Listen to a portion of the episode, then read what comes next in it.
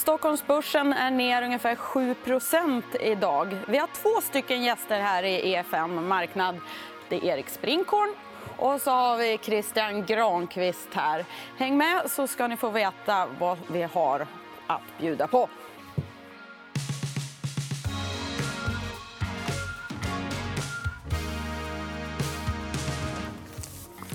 Ja, tuffa tider och inte helt lätt att handskas med, Christian. Nej, verkligen inte. Det är ju, så att säga, även för de som har varit försiktiga i det här så kommer det här som en rätt stor överraskning med väldigt stor volatilitet och väldigt stor, stor kraft. Så det, det, är ju lite, lite rörigt och lite läskigt får man ju säga. Mm. Du har ju varit med i många år och här på EFM så känner vi dig som kanske en lite pessimistisk eh, kille. Men du har ändå lyckats eh, hitta lite positiva tecken som vi ska försöka fokusera lite på idag. eller hur? Skulle jag vara pessimistisk? Nej, men lite sådär... Um... Jag förstår vad du menar. Nej, vi har varit försiktiga i, i min fond har vi haft en stor andel likviditet och vi har varit försiktiga drivet av det som kanske vi har sagt att, att räntemarknaden har ju förutspått det här under lång tid och yieldkurvan gick negativ för en dryg år sedan. Mm. Det brukar vara en indikation på att att ekonomin blir mer sårbar och börsen blir mer sårbar. Mm. Många har varit lite kritiska till den här yieldkurvan. Men nu... Gammal äldst. Ja, nu... Vi ska titta lite grann här hur, hur det har sett ut. Mm. Och här visar ju bara den här nedgången i jämförelse med andra nedgångar historiskt, andra stora nedgångar. Så den följer ju väl ganska tydligt en, en, en, eh, den takt och, eh, och form så att säga, som en traditionell ordentlig börsnedgång har visat, alltså 1929, 1987 och 2008. Eh, och, och så, så, så mm, det, det, det, är bara att konstatera att here we go again. Så att säga, och att, mm. att det lönar sig att försöka undvika de här förstås. Eh, eh, men eh, det är svårt. Mm. Det är svårt. Eh, något som påverkar sig är såklart vinsterna. Kan vi säga någonting Ja, nej, men nu är det ju ingen tvekan om att, att ekonomin kommer att gå i recession. Det har också varit en sån här sak som folk inte har velat prata om. Så där. Men nu tror jag att det, att det inte är så många som kanske är lika tveksamma om detta. Utan vi kommer ju få en vinstnedgång på börsen. Det frågan är snarare hur stor den har varit, kommer att bli. Ehm, och, eh, vi kan återigen historiskt konstatera att en traditionell recession brukar påverka vinsterna med ungefär 15% ned i snitt historiskt. Eh, sen finns det de som har varit värre. Till exempel 2008 Lehman, då föll vinsterna med nästan 40% så att Snitt är ju alltid snitt. Så att säga. Mm. Och tittar vi då på marknaden och tittar på vinsterna så kan vi konstatera att det ser ut som att marknaden idag prisar in att vinsterna ska ner med ungefär 15% det vill säga en traditionell recession. Ingen eh, total kollaps? Nej. Eh, och, och, precis, vi kan ju se här att, att här 2008 så var det betydligt värre. Och, och det, det, ska man ju med sig. Då havererade ju, så att säga, banksystemet globalt. Förhoppningsvis hände inte det här i, i och med att, att centralbanker och andra agerar ganska kraftfullt. Men så att vi, vi, det, det, kan bli värre än så, förstås. Men, men det vi prisar in nu är en traditionell recession. Så att mm vad, vad, kan man tänka för tidshorisont? Finns det någon, kan man, har man någon känsla för det? Ja, men, Alltså, på vinster eller på marknad? Så ja, jag tänker nog eh, eländet går ner. Ja, precis. För aktiemarknaden kommer ju förmodligen att vända innan så att säga, ekonomin. På samma sätt som att än så länge ser vi inte så att säga, den, det som aktiemarknaden signalerar oss till oss just nu. Men jag tror att ekonomin kan vi säkert tänka oss att den kommer ju att bottna, eller kommer att se som värst ut under andra, kanske tredje kvartalet i år. Ehm, Medan marknaden kan, hypotetiskt åtminstone, kanske förhoppningsvis bottna innan dess. Mm. Eh, så att, eh, Svårt såklart. Ja, men, så, så, och där, där, blir ju Kina väldigt intressant att se vad som händer. Mm. Nu lite cliffhanger till nästa bild. Då, men, Exakt. Men, eh, Titta här. Och där vi kan konstatera att det här är ju den kinesiska PMI, det vill säga hur det går för ekonomin.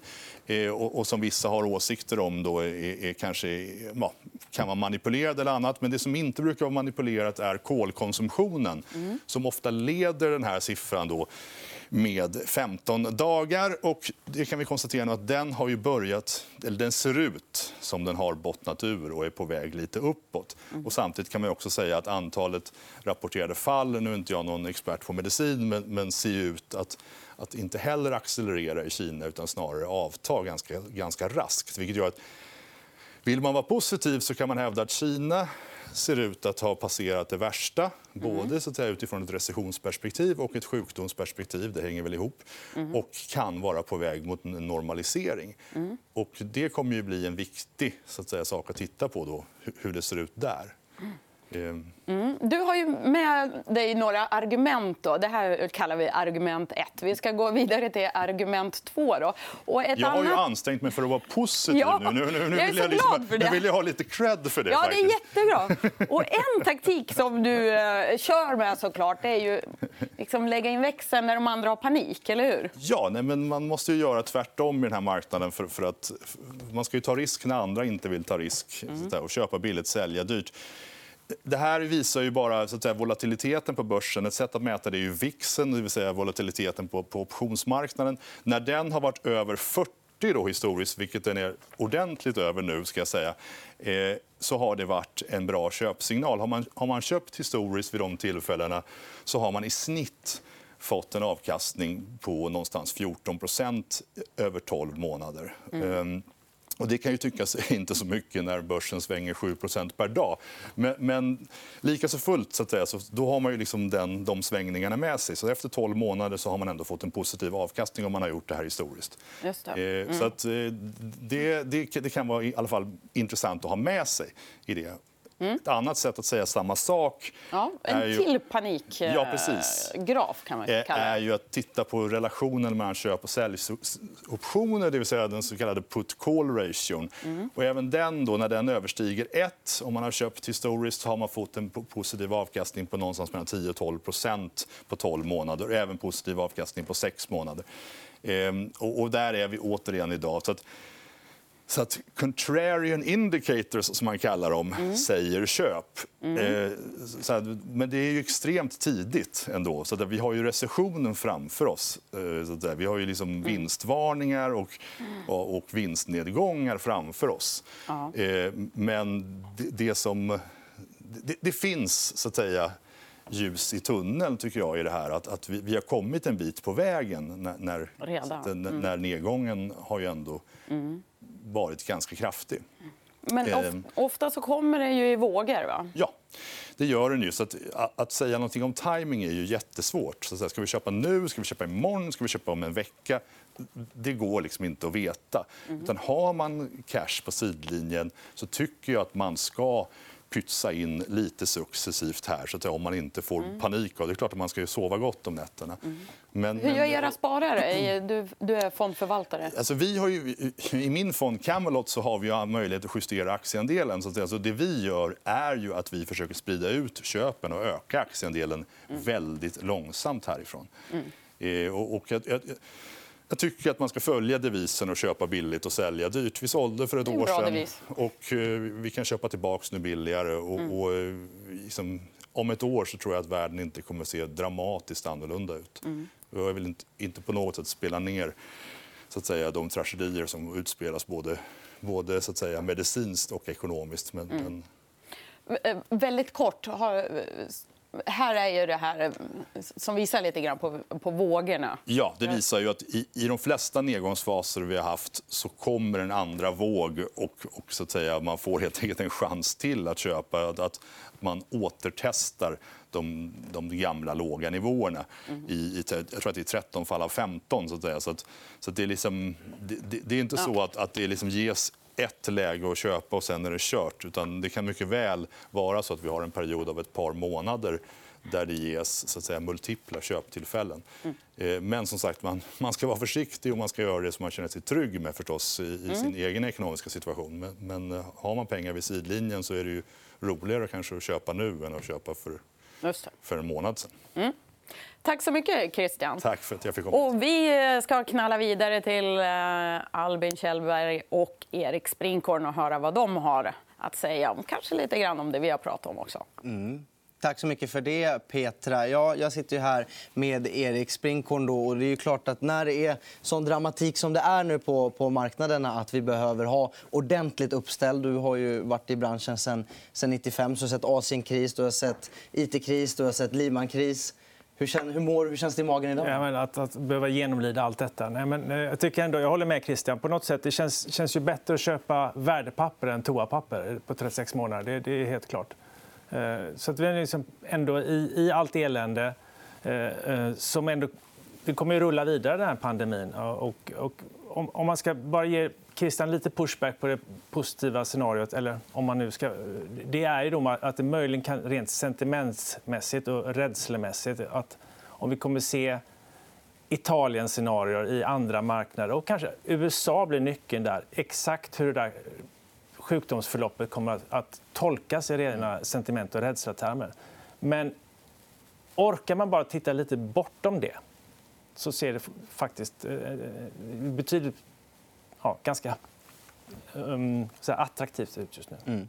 Det, det, är ju i, i, tider som dessa som, som vi vill vara ute och, och hålla tittarna lite i handen. Eh, vad kan du säga till dem som, är, som, ser, som ser pengarna liksom 10, 20, 30 på, på en, två veckor, tre veckor? Eh, hur, hur håller man sig cool i det läget?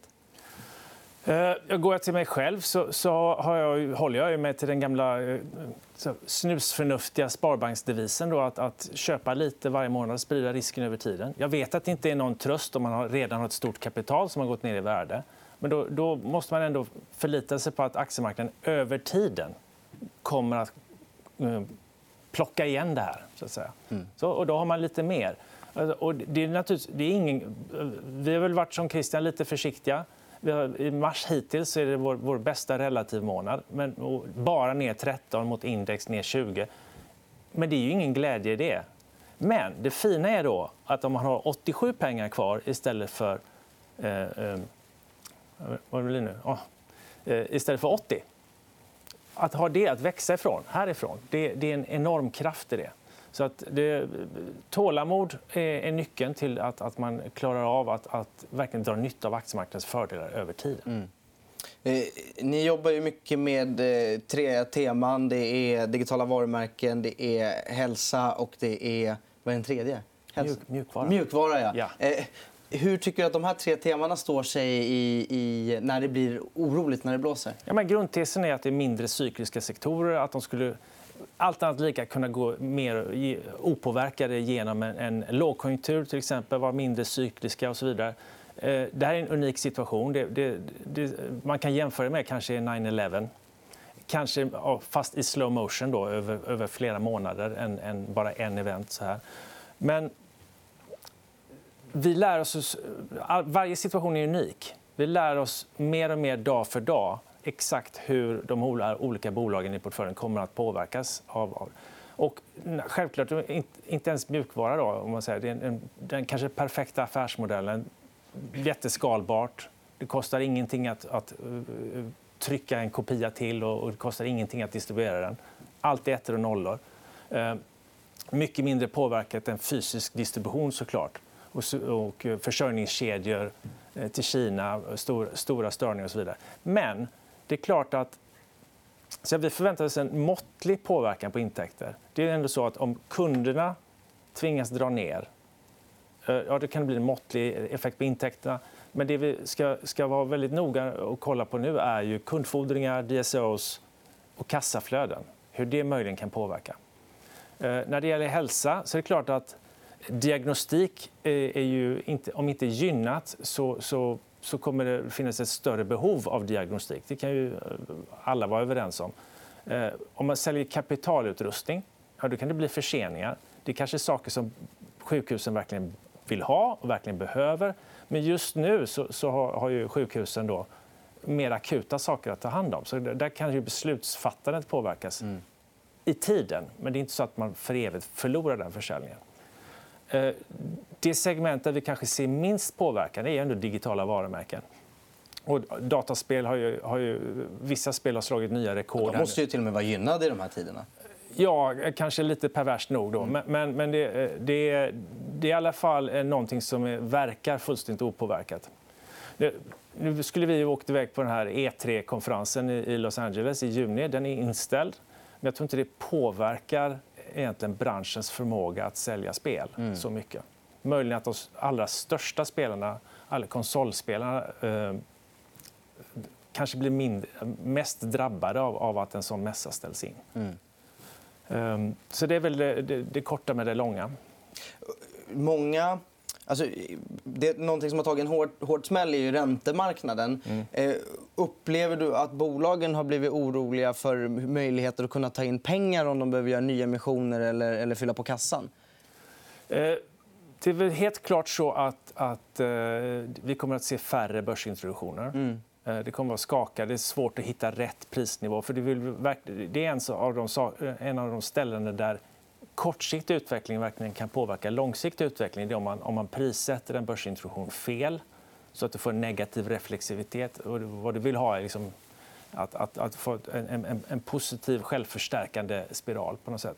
Och där är det väldigt svårt att hitta rätt. Så att jag tror att många säljare har andra förväntningar och kanske drar sig för att sälja till vad som skulle vara ett korrekt pris i det här läget. Och det, även om man har den eh, ambitionen så när det, när det hoppar 7% upp och 9% ner och så vidare, det är väldigt svårt att hitta rätt där. Ehm, och, och, och, tänker du att eh, om, det, om det ser ut så att eh, mindre bolag till exempel kan vara mer påverkade än större? Eller... Ja, det där stämmer ju inte. Alltså, igen då, varje situation är unik. Men, men, men eh, det behöver inte alls vara så att, att fundamenta för mindre bolag påverkas i snitt värre än för stora bolag. Stora bolag har eh, kallar en, kritisk, en, en, massa som gör att vi, vi, vi, får ett intryck av stabilitet. Men i många fall så kan det faktiskt bli ganska stora påverkningar. Det, det är jobbigare att tappa en miljard i försäljning än att tappa 10 miljoner. Mm. O, alltså, även om det är relativt samma storlekar. Så det är rent fysiskt jobbigare att klå tillbaka en miljard i försäljningen än, än 10 miljoner. Mm. Och för många, man brukar ju säga så att, att, att entreprenörers på, påverkan på bolagen är mycket större i mindre bolag. Man har faktiskt fler saker, att, fler rattar att skruva på och ett större incitament och så vidare. När det nu blir paus i verksamheten, ja, då, då kan ju duktiga bolag faktiskt utnyttja den pausen till att se över sin verksamhet, ifrågasätta, behöver vi verkligen göra det där? Det kan finnas kostnader att bespara. Eh, man kan också initiera mer kvalitativa diskussioner med sina kunder och så vidare. Eh, och skapa ett djupare förhållande till sina kunder under såna här perioder. Mm. Tror du att den här gamla klyschan att bolag nu med starka balansräkningar kommer att stå lite starkare de närmsta månaderna? Så är det väl i den meningen att, att eh, om, om man har ett finansieringsbehov så ser det ju jobbigt ut. Mm. Uh, å andra sidan så går ju räntorna ner. Så, uh, om, låt oss säga så, om du har en skuldsättning men inget finansieringsbehov ja, men då kommer din PNL att se bättre ut mm. uh, än annars. Så det, det, man måste tänka på flera saker samtidigt. Där. många tankar i huvudet samtidigt. Yes, ja. Det är ett slitet, slitet uttryck nu, men, men, men, så är det faktiskt. Ja. Eh, sen har du också med en superframtidsspaning här också om, om gensekvensering. Yes. Eh, och även med dig en bild mm. som, som visar hur det ser ut. Eh, vad, vad vill du säga med den? Ja, men det visar då kostnaden för att sekvensera, då, att, att titta på ett mänskligt genom som, och, som kostade 100 miljoner dollar att, att göra. Då. Första gången det gjordes 2001. Eh, över tiden så har, har, de röda prickarna det om prisutvecklingen hade följt Moores lag, alltså eh, halvledarutvecklingen. Men det här följer faktiskt Wrights lag, som är en erfarenhetskurva som är mycket brantare neråt. Ju fler gånger du gör det här, desto billigare blir det per gång. Och det, det ser ut, om man bara följer kurvan så ser det ut som man skulle kunna göra en, en total human gensekvensering för, för 100 kronor om, inom tio år. Mm. Och det, öppnar, det, här, det här coronakrisen kan ju bli för diagnostikbolagen och hälsa generellt sett vad internet blev för mjukvara. En, en, faktiskt en, en oväntad... Alltså att den här turbulensen ger upphov till förstärkt innovationsklimat. Och kanske att det finansieras ännu mer? Ja. och tänk, tänk då om, om, om, du har en, en gensekvenseringsmöjlighet för 100 kronor och, och har en device som du känner lite under isen, stoppar den här eh, i, eh, in i kinden och så får du en blipp i telefonen att, att du bör omedelbart söka vård eller det är ingen fara. Tänker sig andra wearables som har ständig koll på din puls, din hjärtrytm, ditt allmäntillstånd. Kanske folk också slipper åka in till akuten och smitta andra där. Digitalisera hälsa. Alltså, social distansering är ju det effektiva medlet just nu. Och det, det är lika, eh, även så framöver. Att, att kan man digitalisera hälsa kan den bli mer effektiv, med, med lägre kostnader vilket är bra för samhället. Och, och bättre vård till billigare peng. Det är ju det som innovation handlar om. Mm. Ehm... Jag tror att OMX var ner runt 6,2% ungefär senast jag tittade. Och programmet börjar nå sitt slut. Mm. Har du några sista visdomsord du skulle vilja dela med dig av till, till de som tittar? Sprid riskerna över tiden. Mm. Var med lite grann. Man ska aldrig gå ur helt. Utan man, om man, för att det är väldigt svårt att veta när man ska gå in. Och när det vänder brukar det vända ganska fort. va? Exakt. Missar du de tio bästa dagarna på under ett decennium så blir din totalavkastning kass. Mm. Tack så mycket för att du kom hit, Erik Sprinkorn. Och vi ska också tacka såklart Christian Granqvist för att han kom. Eh, imorgon så är vi såklart tillbaka 11.45 som vanligt på efm.se och Youtube. Missa inte det.